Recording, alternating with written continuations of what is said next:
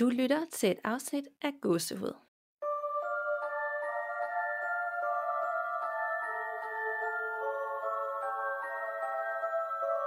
Hej Nana, Hej Danika. og lang tid siden. Ja, det er virkelig lang tid siden nu. Det er nærmest øh, fem uger Ja, siden vi optog sidst, og det ved I derude jo ikke, men vi har jo tendens til at samle det lidt. Ja. Så vi optager to afsnit ad gangen, præcis. der, der skal dække øh, de næste fire uger. Og så skulle vi have optaget sidste mandag, men Ja. øh, vi skulle have haft en gæst med, og hun blev syg, så, øh, Desværre. så nu gør vi det i dag i stedet for, og har fundet på lidt noget andet. Ja.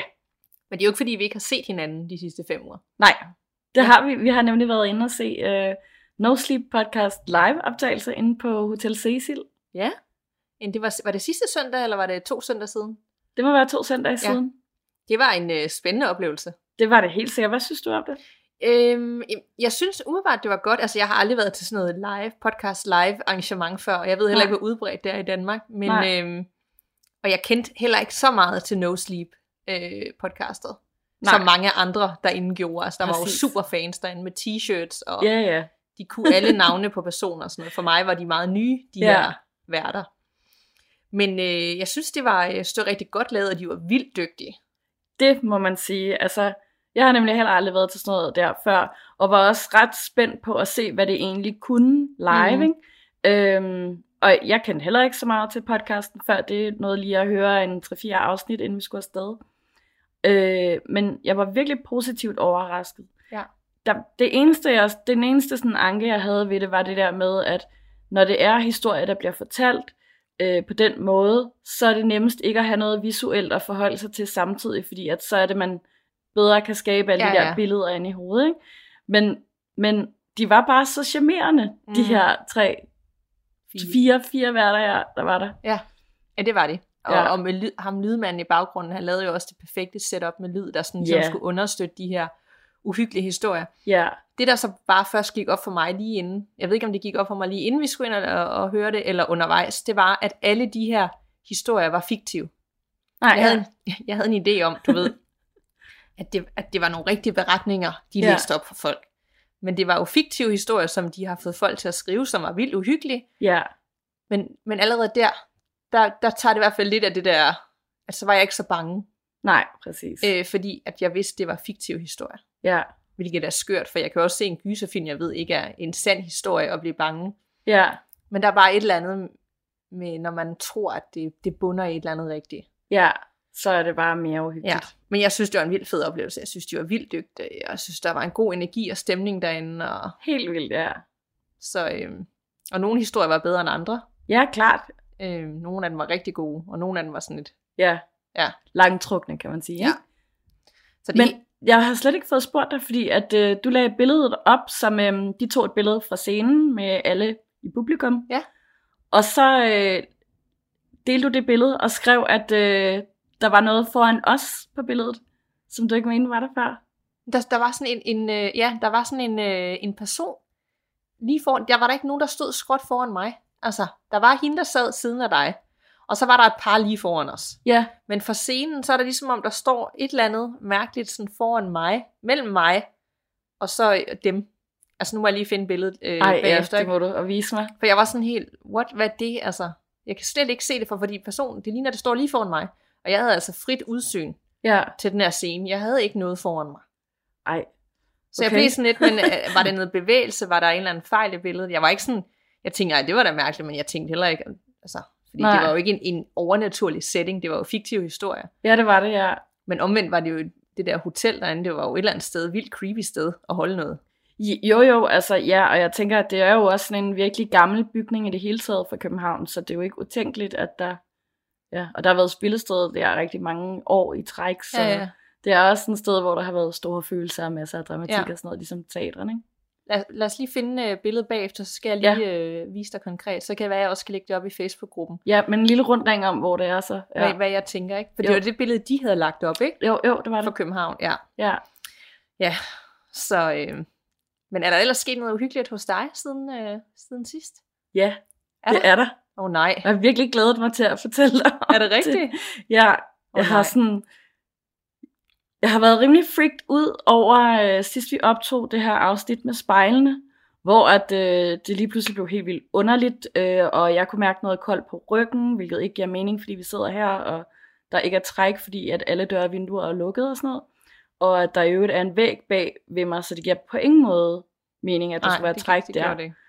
Øhm, og vi snakkede også om, da vi var færdige med at, aftage, øh, at optage det der afsnit, at, øh, at vi begge to havde fået lidt dårligt, og havde svært ved sådan lige at følge med i, hvor vi var Mm. på et tidspunkt.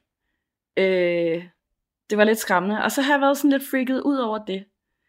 Øhm, og en aften, hvor jeg lå og sov efter det, så har jeg lige fået stukket min fod ud under dynen, hvilket man jo ved er farligt, fordi så kan dæmonerne jo få fat i en, hvis man har det. Altså, det er om natten, eller hvad? Ja, om natten, ja.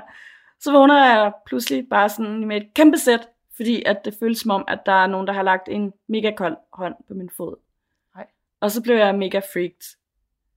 Øhm, og ikke så lang tid efter det, så havde jeg min far og hans hund på besøg, Alfred. Øhm, og øhm, så sad vi her i sofaen, og øh, lige pludselig så begynder Alfred at kigge op på sådan en punkt på væggen, og jeg tænker, hvad er det, den hund sidder og kigger på? Sådan, der var ikke noget Nej, op på væggen og sådan noget. Øh, og jeg var nødt til at sige til mig selv, jamen det er nok fordi, han kan høre noget fra en af de andre lejligheder sådan her i bygningen. Men han blev ved med at sidde og kigge op på det der punkt der. Hvorhen er det? Hvis- Var det den her væg? Ja, det var den her væg, Ja. ja. og øh, så øh, lige pludselig, så kunne jeg bare mærke den der kolde plet på min ryg igen. Ja. Fordi det var også der, den væg, du sad, altså, og det var også der, du sidder Ja, nu. Det ja. var også der, det skete sidst. Nemlig. Nå, så du har simpelthen inviteret noget indenfor. Ja, Super. ja, super. Jeg snakkede så faktisk med vores husklærvariant Janni om det. Ja. Øh, hun havde nemlig også godt hørt det afsnit, at der var sket lidt der. Og så sagde hun, at hvis det skulle ske igen, så skulle jeg enten bare bede om at, at lade mig være, eller spørge, hvad det ville. Men så er der selvfølgelig ikke sket noget siden. Nej. Hvad, skal man spørge, hvad det vil? Fordi hvis man gør det, så tænker jeg da, så kommer det virkelig frem.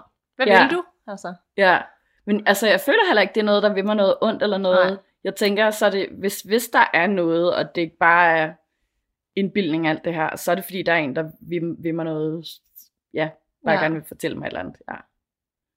ej, hold op. ja. Nogle gange er jeg så lidt glad for, at vi sidder, eller det er jeg altid, men vi, vi optager her på Ja. en måde. Det lyder forkert, ikke? Men fordi, nu er jeg optaget, jeg kan bare selv huske, da jeg optog i min egen lejlighed Ja. øh, i starten, inden du kom med. Altså den der med, at man, man var i sit eget hjem, og så optog man, og så stoppede man, og så skulle dagen bare fortsætte, Ja, hvor alt det her lige var blevet sagt højt. ja, Øh, det kan godt være svært, ligesom at lægge fra sig på en eller anden måde. Så er det der jo Ja, bare hele det. tiden. Ja, altså jeg har ikke oplevet noget, eller dig, nej, øh, på den vis. Men jeg, er lige, jeg, jeg tror også, det er svært hele tiden, at der sker noget hyggeligt, fordi det er blevet så stor en del af vores liv nu, ja, med at research, og vi hele tiden har Facebook-gruppen, hvor vi ser ting, og præcis. diskuterer ting, og jeg læser hele tiden lytterretning og tjekker mailen, så det er bare så Ja. stor en del, så det er der bare hele tiden. Ja, det er det. Så på den ene måde er jeg blevet helt vildt hardcore, og ikke rigtig, jeg er nok ikke lige så bange længere, Nej, men på den anden side, så er jeg jo rigtig bange for, at ligesom bare har accepteret, at der er ting omkring mig, ja, og det er bare en, en del af min, mit liv nu. nemlig. Øh, men hvis der skal være sådan noget konkret, altså generelt så den her morgen startede øh, super mærkeligt, ikke fordi at jeg har set jeres følelse, men fordi lige inden jeg skulle køre ud til dig, så var der bare ambulance og øh, lægebiler og øh, en politibil og en, også sådan en, en bil for brandvæsenet Nå, øh, ude foran vores vindue. Vi bor i stueplan, Ja. så ud, ud til hovedvejen. Og de skyndte sig op i øh, opgangen siden af. Øh, og så er det ret alvorligt, når der mm. er så Mm. mange, ikke? Jo. Øhm, og øh, min mand kom fra nattevagt, så han var lige kommet hjem og sådan noget, og han er god til sådan ligesom at, eller han kan jo godt se, hvad der er, der sker, når nu gør de det, det betyder det, og nu henter de det ned i bilen og sådan noget. ja, Øh, og det, det er jo ikke fordi, jeg mindes, der bor rigtig gamle mennesker i vores lejlighedskompleks. Det er bare meget sådan familier og, og par. Øh, men det der, det, altså det var 100% hjertestop. Og det var også bare et hjertestop, hvor at personen ikke overlevede. Nå, ej. Ja, så det var sådan, det var sådan, så er det mandag, ikke? Og Jo. så er det bare lige ude foran vinduet. Og det, kan, det kommer bare tæt på det der med, at det kan jo bare ske hvor som helst og når som helst. Ja, Jeg satser på, at det er et ældre menneske, ja, øh, som har boet der, og måske ikke er kommet så meget ud. Øh, det tænker jeg i hvert fald der. ja. Men det var bare sådan et, okay, nå, nu skal jeg lige ud og, øh, og optage. Altså, der var folk, der, der dør alle steder hele tiden, ikke? Ej, det er bare så hårdt. Ja, det er det. Så det er ret sådan, jeg simpelthen bare tænkte, please ikke er et eller andet familie, eller et eller andet, hvor eller der er børn derhjemme, eller der er nogen, Ja. der ligesom har skulle sådan overvære det. Forhåbentlig er det en ældre menneske, der har haft et, godt liv, og Ja, at det, at det var, og været klar til Ja. det. Ja. selvom et hjertestop er nok aldrig en behagelig måde at dø Nej. på, så, så, så, så håber man bare. Ja, Og det skal jeg heller ikke finde ud af, det er heller ikke fordi, nej. jeg er interesseret i, at- i at vide det, men man, det tænker jeg, fordi gudskelov, så er det jo sjældent, at, at unge mennesker får øh, et hjertetilfælde. Ja, gudskelov. Ja. Og så, øh, det vil være nogle uger siden, hvor jeg var ude at spise med min mand, og, øh, inde i byen, og så gik vi derfra, og så gik vi forbi sådan en antikbutik på vejen hjem. Den ligger ved sådan, lige mellem Lille Strandstræde og Store Strandstræde. Ja. De, de forbindes jo med sådan en sidevej. Og der ligger sådan en mega pæn antikbutik udefra, med sådan en facade, virkelig gjort noget ud af det. Ja, Og så, øh, jeg har egentlig filmet det, jeg ved ikke, hvorfor jeg ikke har fået lagt det op, men så begynder jeg jo at kigge ind af de her vinduer, det er jo mørkt om aftenen, ikke? Og så er der bare fyldt med creepy gammel legetøj, og dukker alle vejen. Der sidder på okay. de der hylder, der er jo lukket i den her butik, fordi det er sen aften, og de sidder bare alle sammen og kigger mod en, når man kigger ind, ikke? ja, Der var sådan nogle gamle dukker, som er sikkert 200 år øh, gamle, alle steder, og Mickey Mouse-figurer, men du ved, aller 30'erne, hvor, de, ah, ja. hvor han så vildt uhyggelig Ja, ud. det gjorde han virkelig. Øhm, der er ikke noget nyt. Altså alt er Nej. bare gammelt og uhyggeligt og overalt. Så den video, den har jeg jo derfra, hvor jeg Ja. ja. filmer sådan rundt i alt. Og den tænker jeg lige, jeg skal have lagt op på Instagram Ja, det skal og du. Facebook-gruppen. Ja, Men øh, ja, det var, bare, det var bare uhyggeligt. Der er et eller andet over antikbutikker, især når Ja. det er sådan med fokus på øh, antik legetøj. Præcis. Altså man er jo, det er jo dømt til at gå galt, hvis man kører noget andet. Du kan jo ikke få noget normalt, der bare er derhjemme. Det tror jeg simpelthen ikke på. Nej, Så øh, ja, det er sådan øh, to konkrete ting, der er sket, men ikke, øh, ikke nogen ånder, der har taget fat i mine fødder, når jeg sover. ej, men ja, det er også really creepy, hvad der ellers er sket, vil jeg sige. Den får du for dig selv. Tusind tak. Ja. Og dagens emne, skal Ja. vi tale lidt om det? Øhm, fordi vi skulle jo som sagt have haft Elin, som du har mødt før, fra ja. Ghost Tours, Præcis. med sidste mandag, hvor vi skulle optage, hvor vi skulle interviewe hende om Ja. ja. Ghost Tours, og øh, hvad hun tror på, hvad hun har oplevet på de her ture, hvad Ja. gæsterne har oplevet. Men så blev hun syg, Ja, det, og så, ja, så fandt vi lige på noget andet, og vi skal snakke. Det hvad du vil fortælle om det. det vil jeg gerne. Vi har nemlig taget en part 2 på overnaturlig lege, Mm. som øh, der var et par af jer, der ønskede jer øh, for nylig, da vi spurgte ud på Instagram, hvad I godt kunne tænke jer mere af. Øhm, og det er bare et fantastisk emne, der er virkelig mange gode ting at tage fat i. Det er der. Og vi har jo tidligere talt om ånden i glasset, som Ja. er det klassiske danske eksempel i hvert fald. Ikke? Præcis. Øhm, elevator game. ja, Den, den er virkelig scary. ja, eller det, det, det er også fordi, der er den video af Ja. ja. pigen, der ligesom understøtter det, så det bliver bare meget virkeligt. Præcis. Så har vi snakket om det Midnight Game, og du snakkede sidst om, jeg kan simpelthen ikke huske, hvad det hed, et eller andet asiatisk spil. Ja, The Thumb Game hedder The det. Thumb Game, ja. Øhm, og i dag så fortsætter vi så i samme stil. Ja. Og nogle er fra Asien, måske mit er. Jeg ved ikke med dit, for jeg ved, vi ved ikke, hvad hinanden har valgt. Nej. Øhm, så øh, jeg tænker bare, at vi skal hoppe til det. Ja, vil du lægge ud?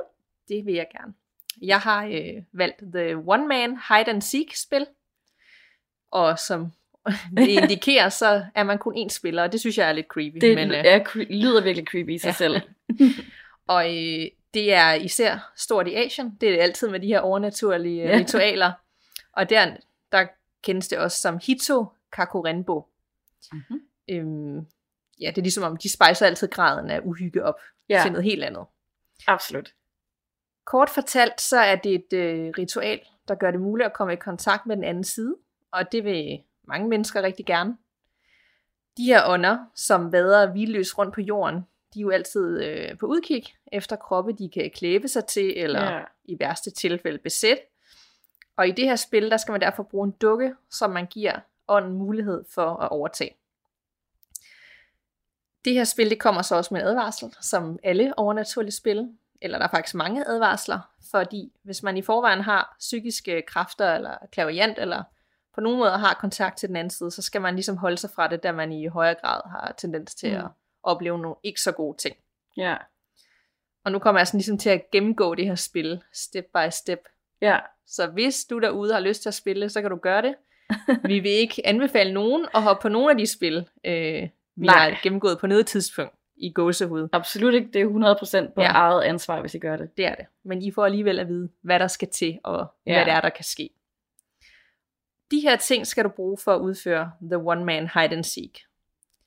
Du skal have en udstoppet dukke. Du skal bruge noget ris, som du skal fylde i dukken. Risen den øh, repræsenterer indmaden og skal tiltrække ånderne. Nej, det lyder allerede super creepy nu. Så skal du bruge en nål og en rød tråd, og den røde tråd repræsenterer en blodåre og holder ånden inde i dukken. Så skal du bruge en negleklipper. det er virkelig øst og vest. ja. Så skal du bruge noget skarpt i form af en kniv eller en saks. Du skal bruge en kop vand med noget øh, salt i. Så skal du have et badeværelse med et badekar. Og sidst men ikke mindst, så skal du have et gemmested. Og gerne et rum med nogle øh, røgelsespinde og en ofuda, som er en japansk for, form for amulet, der Okay. kan virke beskyttende. Ja. Og jeg ved ikke, om jeg udtalte det rigtigt, for jeg havde aldrig hørt om det før. Øhm, og så er der nogle øh, forberedelser, man skal også gøre sig. Man skal selvfølgelig tage det ud af dukken, som den er udstoppet med, og så skal man erstatte det med riset. Så skal man klippe noget af sin negl og putte det ind i dukken, hvorefter man så syr hullet til med den her røde tråd, og bruger resten af tråden til at vikle rundt om dukken. Så går man ind på øh, badeværelset og fylder badekarret med vand, og så går man så hen til sit øh, gemmested, hvor man også sætter koppen med det her saltvand på jorden. Sådan gør du. Altså, vi er helt nede i opskriftsniveau. ja. Du skal give din duk et navn. Øh, alle navn duer, så længe det ikke er dit eget. Når klokken så slår tre om natten, så skal du øh, nævne navnet til dukken og sige højlydt, at det er dig, der skal finde dukken først, og det skal man sige tre gange. Så for eksempel, dit navn er øh, Ulla, og det er mig, der skal finde dig. Det skal man så sige tre gange. ja. Øh, så går man hen til badeværelset og lægger dukken ned i øh, det fyldte badekar, så den sådan flyder på, øh, på vandet. Så slukker man alt lyset i huset, går tilbage til sit gemmested og tænder for tv'et. Ja, man skal nemlig også have tv. Okay. TV'et skal have et statisk billede, øh, og det bruges til at advare om uønskede ånder, der er på vej hen til dig. Jamen, så åbner man jo bare fra hende for The Ring. Ja, men det er jo Asian. Så. Efter at have talt til 10 med dine øjne lukket, så skal du tilbage til badeværelset med dit skarpe redskab i din hånd. Du går hen til badekarret, så siger du til dukken, jeg har fundet dig, og så stikker du dukken med kniven, eller hvad du nu har på dig. ja. Så siger du, nu skal du finde mig, hvorefter du sætter dukken på kanten af, af badekarret. Og så snart du har sat dukken på kanten, så skal du løbe tilbage til dit gemmested og gemme dig. Og så venter man. Og hvad der sker og sådan noget, det kommer jeg til også i en beretning, jeg har med. Ej. Når du så ikke synes, det er sjovt længere, som du nok når til et punkt, og du gerne vil afslutte den her leg, så skal du øh, hælde det halve af salvandet i munden. Du må ikke drikke det, men du skal holde på det i munden. Så skal du løbe ud af dit gemmested og lede efter dukken. Og dukken er ikke nødvendigvis i badeværelset længere, hvis det ligesom har virket. Oh my god. Ligegyldigt hvad, må du simpelthen ikke spytte det her vand ud, mens du leder. Nej. Øh, når du finder dukken, så øh, hælder du det halve glas af salvandet ud over det, ligesom du spytter det ud, som du har i munden. Og så skal man sige højlydt, jeg vandt tre gange. Og det burde slutte ritualet. Efterfølgende skal dukken tørres, brændes og afskaffes. Ja. Og så er der nogle vigtige ting, man altid skal huske undervejs. Man må ikke efterlade huset eller lejligheden, før man er helt færdig med spillet. Du skal slukke alt lys, og du skal være helt stille, når du gemmer dig. Og du skal huske, at hvis du bor med nogle andre, så sætter du dem potentielt set i en farlig situation, selvom de ikke er med i lejen. Ja. Du skal holde spillet under to timer, da ånden ellers kan blive så stærk, at du ikke kan fjerne den igen. Og så skal du holde alle døre åbne i løbet af spillet, så du hurtigt kan komme væk, i tilfælde af, at det går galt. Men man må jo ikke forlade huset. Nej, men jeg tænker, hvis det endelig går galt, øh, Ja. eller man ikke får gjort en af de ting, så er det bedre bare at løbe væk, end at... Ja. Se, hvad der- sker. Ja. Ja. Men det Jo. går nok galt ligegyldigt hvad. Ja. Og det var øh, det her, det var så selve spillet, som var lagt op på et asiatisk forum, som jeg kom ind på. Ja. Øhm, så nysgerrige folk kan ligesom give sig i kast med, med det her overnaturlige spil. Og jeg tænkte sådan lidt, hvad var hensigten med det her? Altså Mm. i bund og grund er det selvfølgelig at udfordre sig selv øh, og komme i kontakt med en ånd, eller i værste tilfælde en dæmon, fordi folk er nysgerrige. Ja. Der er så nogen, der mener, at folk også bruger det til at se sin frygt i øjnene, og på den måde så får de en stærkere kontakt til underverdenen. Mm. Jeg kan i hvert fald se og fornemme ud for dem, der skrev kommentarer, at det er sådan meget udbredt øh, blandt satanister. Okay. Folk, der ligesom dyrker den del, Ja. de har en tendens til at, at gerne vil det her, og kalde et eller andet ondt, fordi et normalt menneske vil jo forhåbentlig ikke give sig i kast med sådan noget. Nej. Øhm, og så har jeg selvfølgelig en beretning med for en, der har spillet det. Øhm, og den går sådan her. One Man Hide and Seek er et ritual, hvor man kontakter de døde via en udstoppet dukke. Advarsel. Det er et ekstremt farligt ritual, og jeg råder dig ikke til at prøve det, men her kommer min beretning. Jeg fulgte instruktionerne til punkt og prikke. Jeg klippede dukken op, tog fyldet ud, fyldte den på ny med ris. Jeg puttede derefter min negl i, før jeg syede den sammen igen med en rød tråd. Resten af tråden brugte jeg til at vikle rundt om dukken. Jeg burde nok fortælle jer, at jeg var helt alene hjemme, og at jeg bor i en lejlighed. Jeg tog dukken med mig ud på badeværelset og gik i gang med at fylde badekarret op med vand. Jeg efterlod dukken og gik ud i køkkenet for at fylde et glas med vand op med salt i. Jeg satte glasset det sted, jeg havde i sinde at gemme mig, nemlig et skab på min brors værelse, hvorefter jeg gik tilbage til badeværelset. Her sagde jeg højlydt, dit navn er Maria, hvorefter jeg skyndte mig tilbage til gemmestedet og ventede på, at klokken var tre om natten. Klokken tre gik jeg tilbage til badeværelset med en kniv i hånden, løftede dukken og sagde, jeg er den, hvorefter jeg smed dukken i vandet. Jeg tog kniven med mig igen og gik rundt i hele lejligheden og slukkede lyset. Jeg fik også tændt tv'et på en statisk kanal. Jeg skyndte mig ind i skabet og talte til 10 med lukkede øjne. På det her tidspunkt var jeg virkelig bange, men jeg ville gennemføre, og man må jo ikke stoppe lejen før tid. Jeg gik ud på badeværelset igen med min kniv og sagde, jeg fandt dig, Maria, hvorefter jeg stak dukken. Jeg sagde derefter, nu er det dig, der er den tre gange. Jeg efterlod kniven med dukken og løb tilbage i skabet. Mit hjerte hamrede afsted, og jeg bad til Gud, at det hele var opspind og ikke ville virke. Jeg ved ikke, hvor længe jeg sad der, men det kunne ikke have været mere end et par minutter, da jeg hørte nogle mærkelige lyde fra tv'et. Kanalerne begyndte at skifte af sig selv og sammensatte sig til en sætning, der lød noget ala Jeg kommer nu. Jeg gik fuldstændig i panik. Jeg kan på ingen måde forklare, hvor meget det skræmte mig, og jeg fyldte straks munden med salvand for en sikkerheds skyld. Og så var det, jeg hørte lyde fra gangen. Jeg begyndte at fortryde, at jeg nogensinde startede på spillet, og jeg rystede af skræk. Jeg kunne høre lydene bevæge sig fra rum til rum. Samtidig var jeg for bange til at forlade skabet. Hvad der skete efterfølgende var måske bare min fantasi, men jeg kunne have svoret, at jeg kunne begynde at lugte råden træ omkring mig. Som om hele skabet og værelset lige pludselig var rådent, og det skræmte mig kun endnu mere. Kanalerne begyndte igen at skifte og lave mærkelige sammensatte stemmer. Hvor er du? Jeg kommer tættere på. Jeg græd på det her tidspunkt og bestemte mig for, at det var tid til at sætte en stopper for lejen. Jeg løb rystende ud af skabet og startede med at lede efter dukken. Jeg fandt den i køkkenet, som var uhyggeligt tæt på, hvor jeg havde gemt mig. Jeg spyttede salvandet i munden ud over dukken, men opdagede så, at jeg havde glemt resten af glasset i skabet. Jeg løb tilbage til skabet, tog koppen og hældte resten over dukken. Jeg skælvede, men fik sagt, jeg vandt mange gange. Derefter hæv jeg den røde tråd op med mine hænder, da jeg ikke kunne lokalisere kniven. Jeg tørrede og brændte dukken efterfølgende. Kniven fandt jeg aldrig igen. Det her ritual har gjort mig så paranoid. Jeg kan næsten ikke holde ud at bo i min lejlighed mere, og jeg svæver, at jeg kan høre små dukkefødder nogle nætter. Vær sød aldrig at spille det her spil derhjemme. Ej, ad, ad, ad, ad. Og det her, det er jo sådan en, en klassisk øh, beretning for Reddit. Ja, Og som vi også har talt om, inden vi, vi optog det her, så er det svært at afgøre, ja, hvad der er noget, man der er fundet på, og hvordan, hvornår noget er rigtigt. præcis. Men det er det jo generelt i den her verden. Ja, Om ikke andet, om det er one man hide and seek, eller ånd i glasset, eller så kan man altså godt komme til at rode sig ud i noget, ja, øh, man helst ikke skal.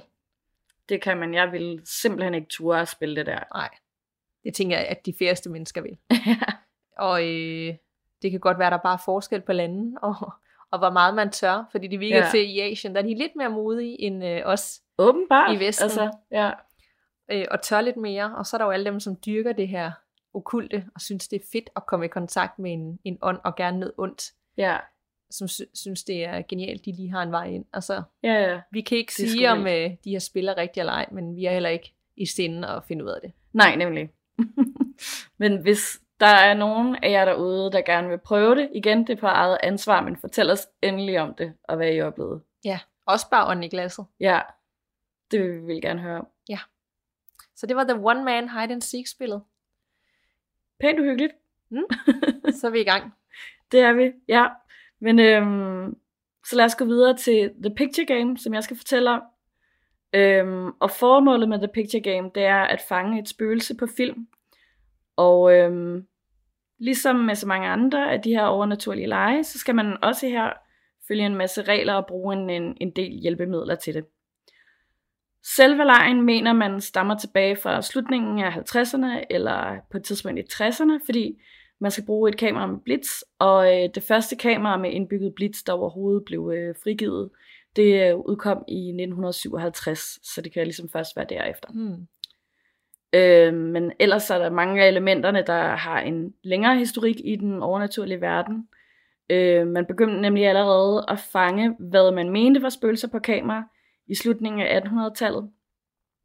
Og øh, der er rigtig mange kulturer og religiøse øh, øh, folk, som tidligere har, og nogen tror endda stadig på, at, øh, at kameraet fanger noget af ens sjæl, når man får taget et billede. Mm. Min far, han siger det også altid tit. Sådan. Han vil ikke have taget billeder, fordi at det tager noget af hans sjæl. Altså man tager simpelthen, man mister Ja. noget af sin sjæl, hver gang man får taget et billede. ja, så fanger man noget af sin sjæl på det billede der. Så er jeg jo bare doomed. ja, det er du faktisk. Ja. ja, færre selfies for mig også. Ja. ja. Øhm, og noget andet med den her leg er nemlig også, at man skal bruge spejle. Og det ved vi jo. er en god idé. ja, præcis. Det ved vi godt, det er kilde til en hel del uhygge mm. i sig selv, ikke? Så igen, altså vi kan ikke sige det for mange gange. Det er simpelthen på fuldstændig eget ansvar, hvis man gerne selv vil prøve den her leg. Men hvis man vil, så skal du bruge en snor eller et reb eller noget lignende. Det skal være langt nok til at kunne lave en cirkel, når man binder enderne sammen på det. Du skal bruge en saks, og hver deltager øh, skal have et lille spejl. Man skal være minimum to, men ellers så er der ikke nogen øvre grænse for, hvor mange man kan være til at Mm. spille om det.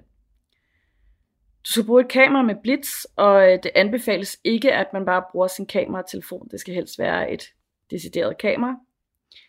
Så skal du bruge et glas og en, øh, en drik, helst al- noget alkoholisk.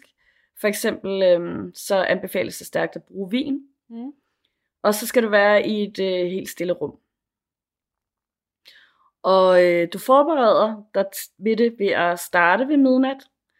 Binde enderne på rebet eller snoren sammen, så det bliver til en cirkel. Den placerer du så på gulvet i midten af rummet. Og øh, så stiller du glasset i midten af cirklen og fylder glasset op med den drik, du har valgt. Så placerer du alle deltagerne i en rundkreds rundt om den her cirkel. Og øh, det er vigtigt her at pointere, at man på intet tidspunkt må træde ind i eller gå over den her cirkel af reb. Og heller ikke af nogen som helst årsag, uanset hvad der sker, må man ikke gøre det. Øhm, hver deltager skal så lægge spejlet foran sig med forsiden opad, sådan så man spejler loftet. Og så skal man slukke alt lyset i rummet. Og så skal du invitere et spøgelse ind. Og det gør du ved, at øh, alle deltagere lukker øjnene og holder hinanden i hænderne. Alle skal så skiftes til at sige, jeg stoler på dig, en efter en, og det er vigtigt, at man ikke bare siger det i kor på samme tid. Når alle deltagerne så har erklæret deres tillid, så skal man sige, døren er åben, kom venligst ind, tre gange i kor. Og herefter må deltagerne så åbne øjnene igen. Den første deltager tager så kameraet og siger, jeg fangede dig, og rettede så kameraet mod midten af cirklen for at tage et billede. Derefter giver man kameraet videre til den næste deltager, som gør præcis det samme. Hvis man bruger et digitalt kamera, så er det meget vigtigt, at man ikke kigger på det billede, der lige er blevet taget. Det her gentages så, indtil hver deltager har, i cirklen har taget tre billeder, så kameraet skal altså nå tre gange rundt om den her rundkreds. Hvis en eller flere af deltagerne bliver dårlige, eller får kvalme, eller begynder at græde undervejs, så må de ikke tage flere billeder. Så skal man bare springe dem over og give kameraet videre til den næste i rækken. Hvis nogen begynder at opføre sig anderledes, som om de ikke er sig selv mere, så skal man stoppe lejen med det samme. Og når kameraet så er nået rundt tre gange, så lægger den sidste deltager det bare fra sig. Hvis der alligevel er nogen, der tager et billede, selvom de ikke burde, fordi de enten græder eller er blevet bange eller noget andet, så må man under ingen omstændigheder kigge på de billeder, og kameraet skal destrueres bagefter. Øh, og med så mange så med så mange af de her lege, så er det også vigtigt, at man siger farvel og får sluttet lejen af på en ordentlig måde. Og øh, alle deltagere skal lukke deres øjne og gentage ordene. Det er tid til at tage hjem tre gange i kor. Herefter åbner man så øjnene igen og, må, og vender spejlet foran sig om. Så tænder man lyset. Man skal bruge sin saks til at klippe cirklen af ræb eller snor over. Så tager man glasset ud af cirklen og tømmer det. Og helst på noget jord udenfor. Derefter kan man så kigge billederne igennem og blive klar til at få mega gåsehud. ja, og øhm, jeg har nemlig også fundet en beretning fra en, der hedder Kevin, der har skrevet en anmeldelse af lejen, efter mm. han har prøvet den inde på Reddit også. Så ja. Det kunne være fedt, hvis vi havde... Jeg tror også, der er en video, hvor nogen, der spiller det her One Man Hide and Seek. Ja. Og hvis du kunne finde billeder af dem, der har spillet det her, eller de billeder, ja. de to, så det skal vi. Altså i forbindelse med afsnittet, som udkommer i morgen. Ja. Så ligger vi det op sammen med det i Facebook-gruppen. Det gør vi nemlig. Der er også flere YouTube-videoer med folk, der har filmet de her ritualer ja. og sådan noget, så det gør vi. Ja. Men Kevin han skriver, dette spil er et klassisk ritual, som alle kan spille, og som ikke involverer blod eller salt eller andre mærkelige ting. Det handler simpelthen bare om at tage et billede med en spøgelse. Og det er som regel et ikke-venligt spøgelse. Hvorfor spørger du måske? Fordi spøgelser hedder at blive set. Det er derfor de fleste YouTubere, der forsøger at filme et ritual, som regel altid ender i fiasko. Dæmoner og spøgelser er nemlig ikke dumme. De ved alt om os og hvordan vi tænker og hvordan vi udvikler os. Jeg mener personligt, at de bogstaveligt talt er satans sendebud, og at de er meget, meget kloge og snu. Så hvis du vil prøve lejen, vil jeg stærkt anbefale, at du ikke prøver at filme det. Heller ikke selvom du prøver at være smart og sætter skjulte kameraer op rundt omkring. De kan stadig se det, de er ikke dumme. Og du skal respektere de kræfter, du leger med. Det er sygt skræmmende, hvis de spøgelser, du inviterer indenfor er onde eller led en grusom død. I så fald vil du få de mest uhyggelige billeder, du kan forestille dig. Det bliver ikke ligefrem hyggelige selfies med Kasper det venlige spøgelse. Det her er, hvad vi oplevede, da vi legede det. Min modige, men dumdristige ven Jeff foreslog, at vi skulle lege lejen fredag den 13., eftersom det siges at være en særlig dag i forhold til ånder og dæmoner. Jeg inviterede to venner mere, og vi samledes hjemme hos Jeff. Vi ventede med at gå i gang, til klokken var blevet to om natten. Jeg må indrømme, at jeg var redselslagen, for jeg havde slet ikke lyst til at tage billeder med spøgelser og lignende. Og da slet ikke på fredag den 13. Men nysgerrigheden tog over, og jeg ville finde ud af, hvad der ville ske ved det. Klokken to om natten begynder vi så at samle alt det, vi skulle bruge. Ræb, vin, glas osv. Vi fandt reglerne frem og læste dem igennem. Der skulle stå, at man skulle starte ved midnat, og at man ikke spille, måtte spille, hvis nogen var bange. Og det var jeg jo. Så jeg havde allerede kludret i det, men troede ikke, at det ville have nogen betydning. Så vi gik i gang i alligevel. Det var dumt, og jeg fortryder det nu. Vi tog hinanden i hænderne og startede på ritualerne. Derefter gik vi i gang med at tage billeder. Første runde var okay, nervepigerne, men okay. Men den anden runde var allerede mega uhyggelig. Min ven Tom havde nemlig pludselig ildrøde øjne, og tårerne strømmede ned af kenderne på ham. Vi blev alle sammen helt vildt bange, og det gjorde, at spøgelserne kunne udnytte os fuldstændig. Jeff ville stoppe lejen, men jeg sagde til ham, at det ville være for farligt at stoppe med det hele.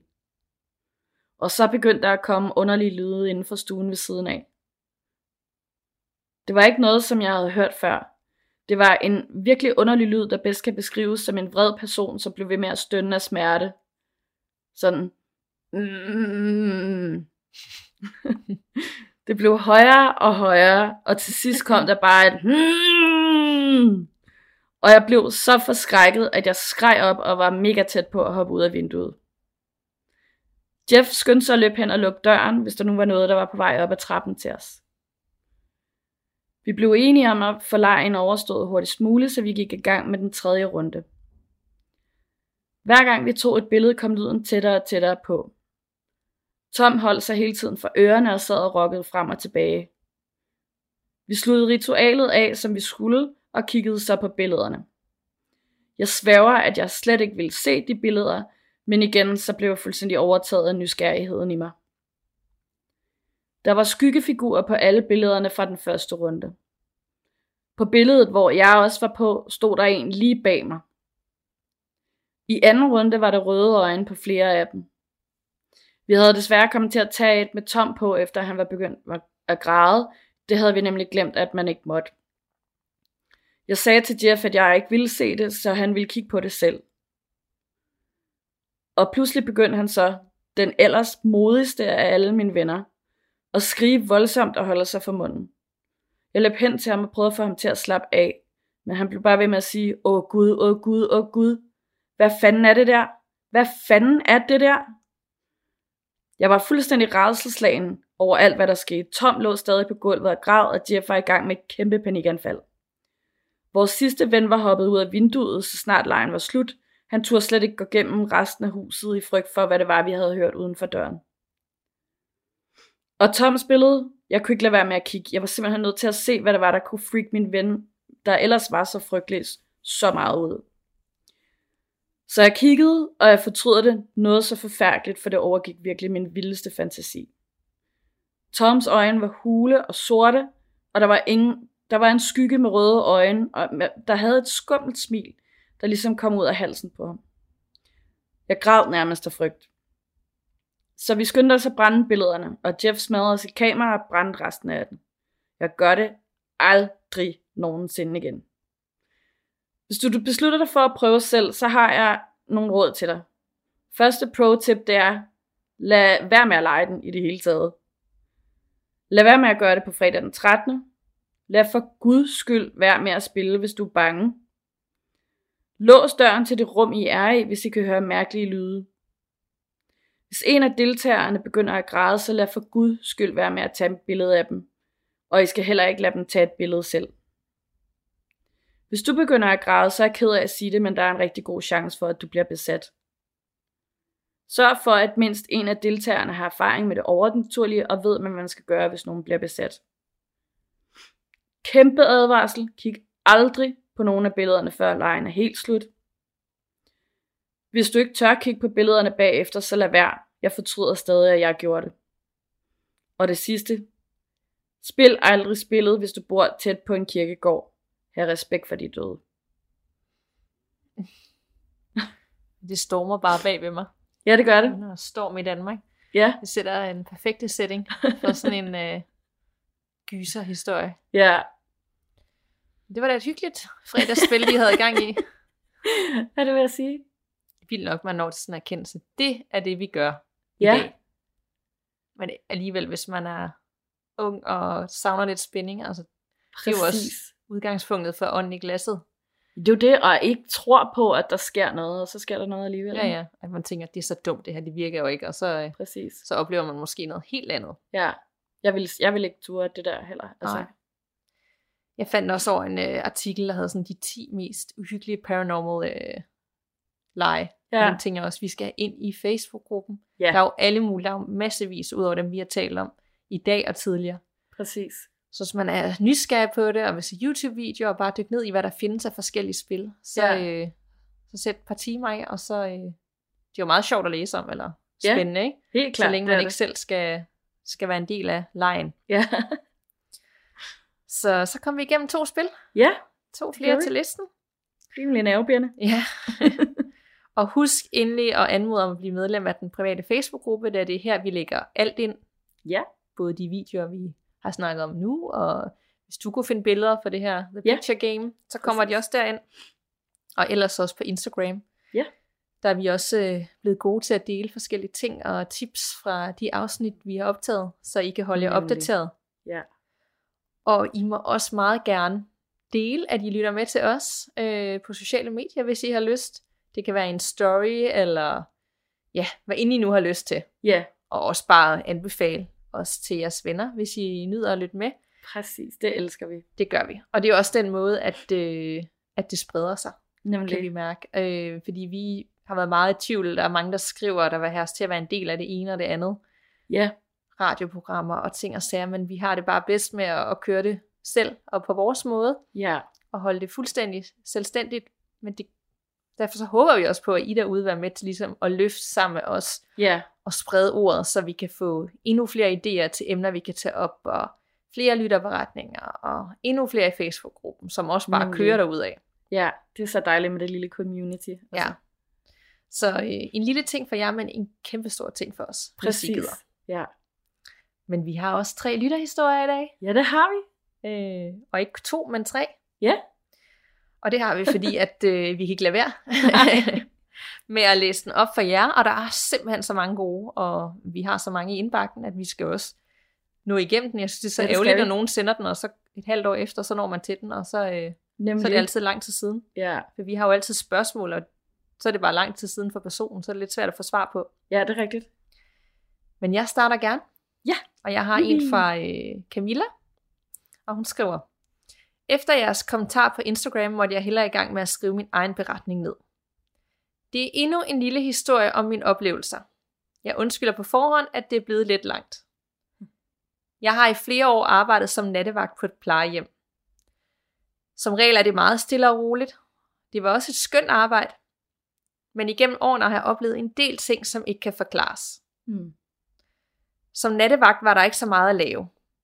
Det var mest af alt tilsyn til beboere, vasketøj og at gøre kaffe og morgenmad klar. Som regel meget rolige vagter. Men ofte oplevede jeg, at der kom støj fra en stue. Hver gang jeg kom derind, var der roligt, og beboeren sov tungt.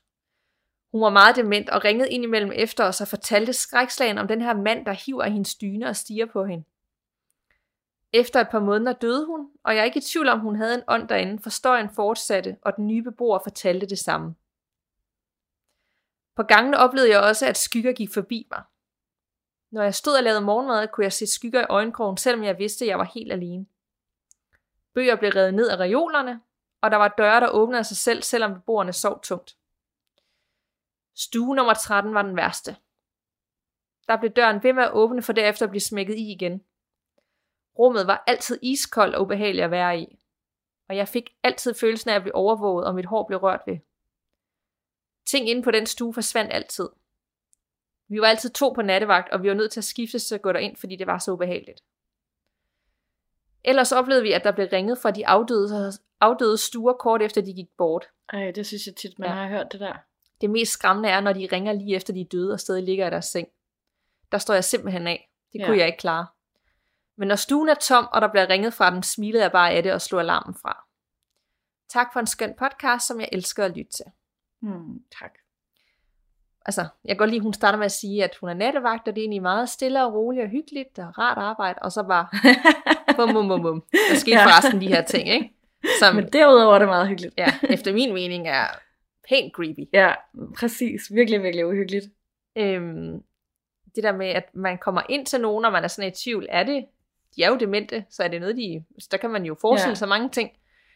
Eller er der noget om snakken, ikke? Jo. Hvor- Hvornår skal jeg lytte efter, og hvornår skal jeg bare tænke, ja ja, den er god med dig. Præcis. Øhm, og at stue nummer 13, det chokerer mig ikke, Nej, at det lige... det lyder som et eller andet fra The Shining. ja, det gør det virkelig. Øh, og det lyder heller ikke super hyggeligt, eller på den gode måde. Nej, Der var sådan et ubehagelig stemning, og der er koldt, og man bliver rørt ved sådan et, ja, øh. ikke nødvendigvis ondt, men bare ikke velkomt. Nej. Og jeg vil også øh, stå af, hvis øh, der blev ringet lige efter en var død, og stadig ikke lå i sin seng. Ja, det er altså virkelig, virkelig, virkelig uhyggeligt. Hvad gør man så lige? Ja. Puha. Ja. Så tak for den, Camilla. Ja, tusind tak for den. Jeg har også en her fra øh, Katrine, som skriver, Hej Danika og Nana. Jeg skrev til jer på Instagram vedrørende en historie om en veninde, der ikke kunne lide at være på mit værelse, dengang vi boede på en gammel gård nær Roskilde. Jeg har nu snakket med hende, og hun kan sagtens huske hvorfor. Jeg er endnu ikke helt op til up to date med afsnittene, men der, der hvor jeg er nået til, har der været et par stykker, hvor Danika snakker om dårlige energier, og det vækkede et minde hos mig. Tilbage i 2012 boede jeg i en af længerne på en gammel gård, lidt uden for Roskilde, sammen med to venner.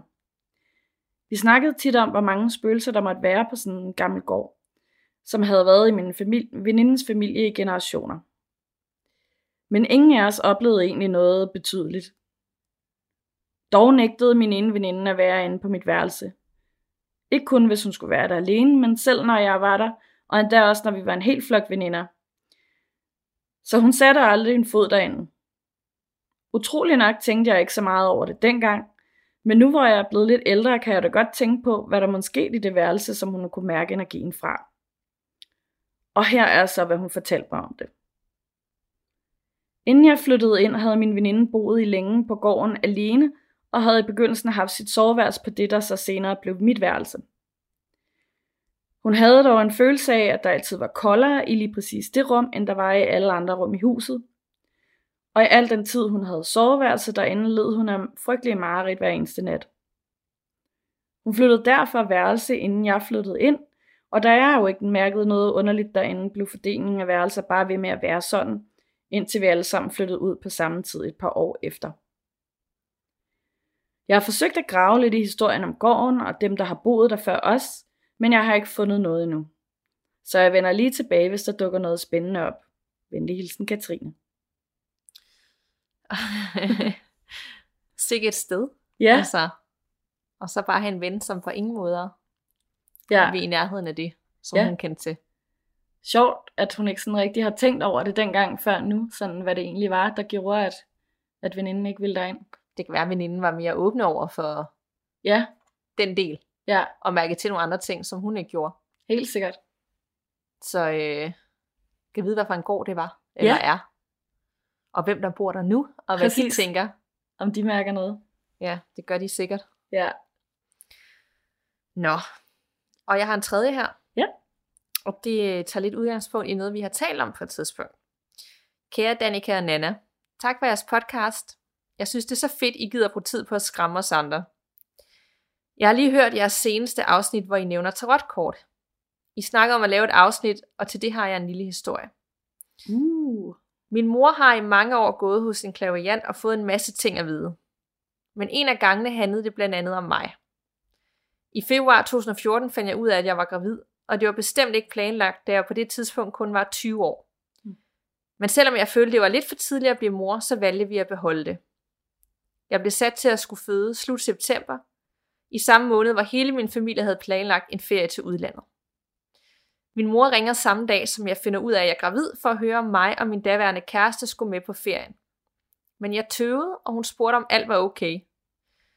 Jeg fortalte hende, at jeg var gravid, og derfor ikke kunne komme med, fordi vi skulle flyve.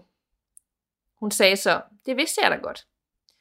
Hun havde året forinden, i november 2013, fået at vide hos sin klaverjant, at hendes ældste datter vil få et barn året efter.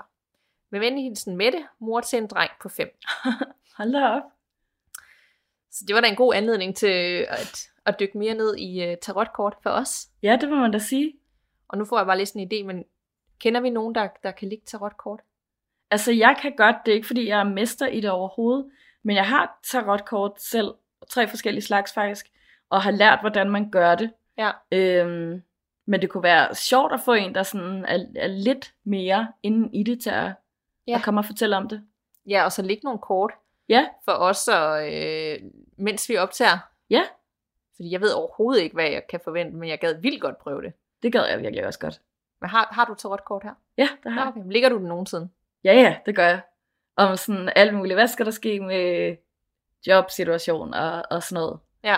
For eksempel. Eller sådan, hvad skal jeg fokusere på i den kommende tid og sådan. Og, og hvordan oplever du så? Altså, hvad, hvad, sk- nogle gange er det, rammer det så plet, eller giver det sådan en aha-oplevelse, eller nogle gange tænker det forstår jeg ikke. Altså for det meste synes jeg, det giver god mening, og så er der sådan lige en gang imellem, hvor at, øh, sådan, okay, det her kort passer ikke engang på den måde, jeg har spurgt på. Sådan. Nej. Så ja, altså det er svært at sige igen, sådan, om det er tilfældigheder. Det er jo også det der med, nogle gange, så kan man godt søge så meget et svar, tænker jeg, Ja. at ligegyldigt hvad kort der er der, så finder man ligesom en, en trøst i det, eller en forklaring, eller Ja. det kan guide lidt. Præcis. At det er bare en hjælp til at finde det svar, man allerede måske kender. Ja, Altså, jeg ved ikke noget, men jeg tænker, det er sådan. Men så hører jeg så sådan en historie her, hvor at, at hun har gået, moren har gået hos en klaverjant og fået noget helt konkret Ja, med tarotkort. Altså det kan også, det kan også bruges til det. Altså det er ikke kun at finde svar på det, man, man søger, men også bare sådan at, at spå om fremtiden. ja. Og sådan bruger du det jo ikke, vel? Eller hvad? Det, det, du kan jo ikke få sådan nogle... Nej, jeg kan ikke rigtig Nej, spå det- om fremtiden på den måde der. Nej. Så øhm, ja, det synes jeg, vi skal overveje at, at, at prøve. Helt Så sikkert, den også- er jeg så meget med på. Fordi du kender lidt til det, og jeg er måske ja. Ja. mere sådan lidt skeptisk anlagt, når det kommer til sådan nogle kort. Men ja. Ja. det er måske også fint, så, øh, så kan jeg stille alle de spørgsmål til øh, eksperten. Helt sikkert. Vi må lige undersøge, eller hvis I derude kan finde ud af det, eller arbejder med det, eller har prøvet at gå til Ja. noget, hvor der er blevet brugt sådan nogle kort, så skriv lige til os, og så, øh, så kan vi dykke mere ned i det. Ja, ville jeg ved ikke helt, fedt. hvor jeg skal starte. Det er sådan over i, øh, i en pulje sammen med sten for mig, krystalsten Ja, ja, ja, ja, og tarotkort. Det, det ved jeg stadigvæk så lidt om, at, og samtidig lidt skeptisk, men vil også gerne sådan vide mere om det, om Ja. der er noget om snakken. Præcis. Så øh, det skal vi. Fedt. Det skal vi. Det skal vi.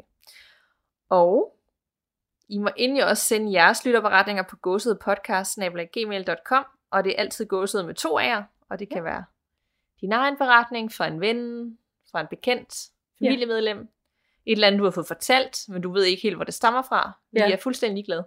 Bare send det, Præcis. så længe du har et eller andet, Ja, du ikke kan forklare. Nemlig. Så vil vi gerne læse om det. Og det kan også være idéer til emner. Ja, meget gerne.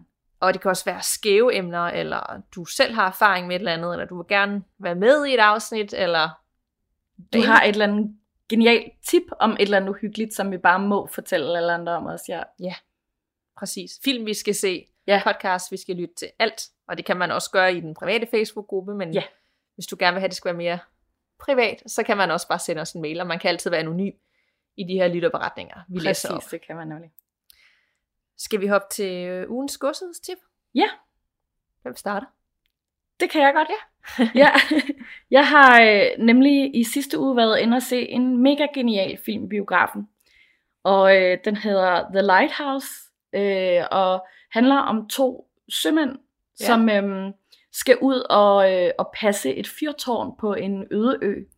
Og så der er kun to skuespillere med i den. Der er en, der hedder Willem Dafoe med, Mm. og øh, Robert Pattinson, som man de fleste nok kender som, med, som Edward i Twilight-filmene. Ja. Og de spiller simpelthen røven ud af bukserne, de her to mænd i den her film. Den er så vild. Er det rigtigt? Er det en gyser? Ja, det er en gyser, ja. Og den, øh, den, den handler rigtig meget om sådan, altså jeg tror, den er sat tilbage i starten af 1900-tallet og noget, ikke? Ja. Og så handler den meget om alle sådan nogle sømandssavn, øh, sømandsforbandelser, om havfruer, sirener og havkonger og sådan noget, ikke? Og øhm, så er der en meget aggressiv enåret måge med i den. Og øhm, den er sort-hvid, og hele filmen i sort-hvid? hele filmen er i sort-hvid. Og det gør bare ingenting. Altså, den er så fed. Lyden er sådan lidt anderledes, øh, helt crisp og tør. Øhm, og det er bare så fedt. Det hele passer bare sammen, og, og soundtracket er fuldstændig genial til at sætte stemningen. Det er virkelig Ej, noget af det vildt. vildeste, jeg har, set. vildt, jeg har aldrig hørt om den. Hvor kører den Nej. Øhm, jeg så den i Empire, Ja. og det var faktisk heller ikke meningen, at den skulle vises i Danmark, Mm. øh, fordi at filmselskaberne åbenbart troede, at det ikke rigtig var noget, vi gad at se herhjemme. Og øh, så må der være nogen, der har lagt pres på eller et eller andet. Så den er alligevel kommet. Men jeg tror, man skal skynde sig ret meget. Det er ikke sådan en, der kører der i flere uger. Nej, det er Nej. det ikke. Man skal skynde sig lidt for at komme ind og se den. Og oven i det, så vil jeg nemlig også anbefale en film, der hedder The Witch, som sikkert på et eller andet tidspunkt kommer på en af streamingtjenesterne, men desværre ikke er der lige nu. Så der skal man til øh, Amazon Prime eller Blockbuster, hvis man vil se den. Lavet af samme instruktør, som hedder The Witch, Ja. der også er sat til i sådan 1800-tallets USA, øh, i kolonitiden, øh, hvor der er en familie, der bliver forvist fra en by, og en ung pige der, der, øh, der måske, måske ikke er heks. I hvert fald så er der en heks i en skov, der stjæler et spædbarn, og en meget uhyggelig ged med i den film også. Super mærkelig, men Ja. virkelig, virkelig god også. Hold da op. Ja. Jeg, har, jeg har helt vildt lyst til at gå ind og se traileren for de her film. Ja, For jeg er sådan helt blank på, hvad det er. især The Lighthouse, det var, det var virkelig, virkelig, virkelig en fed film. Det var fedt, når man får sådan en, en, en oplevelse ud over det sædvanlige, hvad man Ja. ja. forventer af en gyserfilm, ikke? At de har Præcis. tænkt uden for boksen og bare skabt en creepy, creepy stemning. Ja, virkelig. Al- alene det, at der er to alene på en ø, Ja, altså med et lighthouse, altså det alene, det er nok til at bare skabe noget uhyggeligt, tænker jeg. ja, det er det nemlig. Også fordi, at sådan, de er der jo, og man, man ender med ikke at vide, hvor længe de er der, fordi det er meningen, de kun skal være der i 14 dage, og skal de hentes. Men så er der en, en storm, der bryder ud muligvis, fordi den ene har gjort noget, der har kastet en forbandelse over dem. Ja. Øhm, så de bliver mere og mere skingrende sindssyge, ja. De her mænd, ikke? Crazy. Ja. Og det hænger måske lidt sammen med mit tip, Ej, fedt. altså fordi nu snakker du meget sådan væsener og sådan noget, men det er fordi, vi har fået anbefalet det her podcast en del gange efterhånden. Ja. Jeg har ikke lyttet til det endnu, men nu er der så mange, der har smidt en anbefaling på Instagram og skrevet til os, og det er det podcast, der hedder Soundfolket. Ah ja, selvfølgelig. Jeg ved ikke, om vi har snakket om det før. Har vi det? Det tror jeg Nej. ikke, nej. Nej, men det er et øh, DR-produceret podcast, hvor man kommer med på en roadtrip i søgen efter overnaturlige væsener i den danske natur. Og det er sådan noget som elverfolk og åmanden og hele hesten på Mols og lygtemanden. Sådan lidt gamle savn og myter, som de tager op. Fedt. Øh, den er ikke ny, hvad jeg kunne se, jeg var lige inde og søge. Den er faktisk fra 2017. Ja. Og jeg tror heller ikke, der kommer flere afsnit. Men den har ligesom bare været så populær, at den bare stadigvæk lever. Og jeg tror heller ikke, der er mere end seks, seks afsnit i alt. Fem-seks stykker. Okay, ja. Så det er også til at overskue. Det er ikke sådan, man skal igennem 100 afsnit. Nej. Altså, den er der bare og gennemgår de her ting, og det skulle være vildt velproduceret. Fedt. Og jeg skal selv i gang med nyt. Så jeg vil bare lige tippe folk derude, hvis de mangler noget nyt at lytte Ja. til. Sideløbende med gåsehudet, og jamen, der, jeg synes faktisk efterhånden, der er kommet flere, altså så er der, øh, er der nogen, Ja. der har lavet et podcast, eller de har så kun lavet en teaser for videre, ja. det, der kommer, men det kommer Præcis. i foråret, gør det ikke, eller hvad? Jo, jeg mener, det var her til foråret engang. Og det tænker jeg, nok skal blive godt. Ja. Og øh, så er der, øh, det har jeg heller ikke lyttet til, det der Oculus. Ja, Er det nej, jeg har heller ikke fået lyttet Nej, til det endnu, et nyt- det er helt sikkert også på min uh, to-do-liste. Ja, et nyt øh, podcast om det okulte. ja. Jeg kan ikke helt greje vinklen om det, ja, præcis hvad det er, for jeg har ikke lyttet til det endnu, men jeg så det bare inde på Instagram og tænkte, Ja. det skal jeg lige have lyttet til. nemlig. Så der sker lidt Ja. inden for det her. Der er mere til dem, der dyrker det overnaturlige og elsker at få et godt gys. Og det er jo Det er kun fedt. godt. Præcis. Så øh, det var øh, ugens godshedstip, og du havde to. Ja. Wow. Dobbelt konfekt. og så kom vi igennem et helt afsnit om overnaturligt spil, og ja. Jeg skal, det første jeg skal, når vi er færdige her, det er, at jeg skal finde det billede fra No Sleep Ja. øh, podcast live, og så det der, jeg så. Ja. Og prøve at finde, fordi nu er det ved at være en uge siden, at Nemlig. øh, jeg lagde det op. Og så lige prøve at se, hvad det egentlig var. Ja. Om du tænker, Om ej, det er da bare noget." hende der, der sad der, eller der faktisk er, det kan jeg heller ikke huske. og så får vi lige lagt det op i Facebook-gruppen. Ja, det gør vi. Tak for snakken, Anna. I lige måde. Vi lyttes ved. Og pas på derude. Man ved jo aldrig, hvad der venter bag den næste dør.